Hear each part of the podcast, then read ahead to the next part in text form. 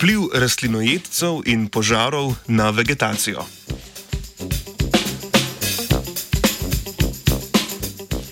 Mednarodna raziskovalna skupina je preučevala, kakšno vlogo igrajo različne skupine rastlinojedcev in požari pri spreminjanju naravne vegetacije.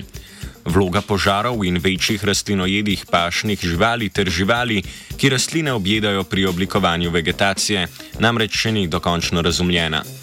Rezultate so objavili v reviji One Earth.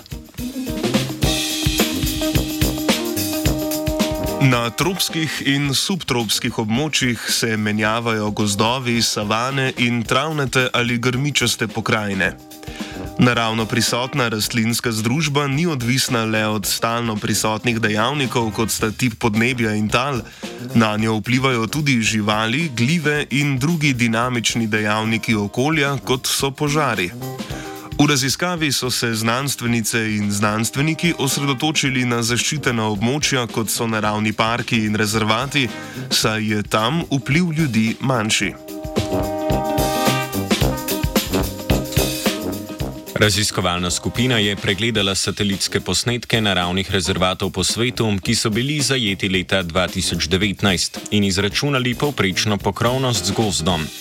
Izračunali so, kako raznolika so območja vključena v študijo, pri čemer so upoštevali okoljske dejavnike, kot je tip prsti ali padavin.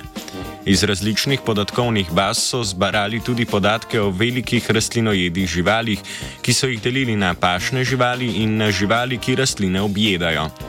Iz baze podatkov o požarih Global Fire Atlas so pridobili podatek o povprečni skupni požgani površini. Vse podatke so vključili v model strojnega učenja in z njim preučili vpliv različnih dejavnikov, ki spreminjajo naravno vegetacijo. Izsledki študije so pokazali, da je najpomembnejši dejavnik, ki uravnava raznolikost dreves na svetovni ravni, povprečna letna temperatura.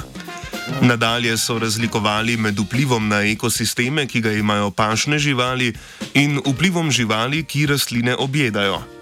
V ekosistemih, za katere je značilen močan vpliv stalnih okoljskih dejavnikov, imajo požari večji vpliv tako na raznolikost dreves, kot na pokritost območja z drevesi. Ravno nasprotno je v ekosistemih, ki so bolj podvrženi nestalnim okoljskim dejavnikom. Tam imajo na vegetacijo večji vpliv velike rastlinojede živali. V splošnem na raznovrstnost in, razpored, in razporeditev drevesnih vrst v večji meri vplivajo požari kot rastlinojede živali. Pokrovnost z drevesi pa je približno enako odvisna od velikih rastlinojedih živali in požarov.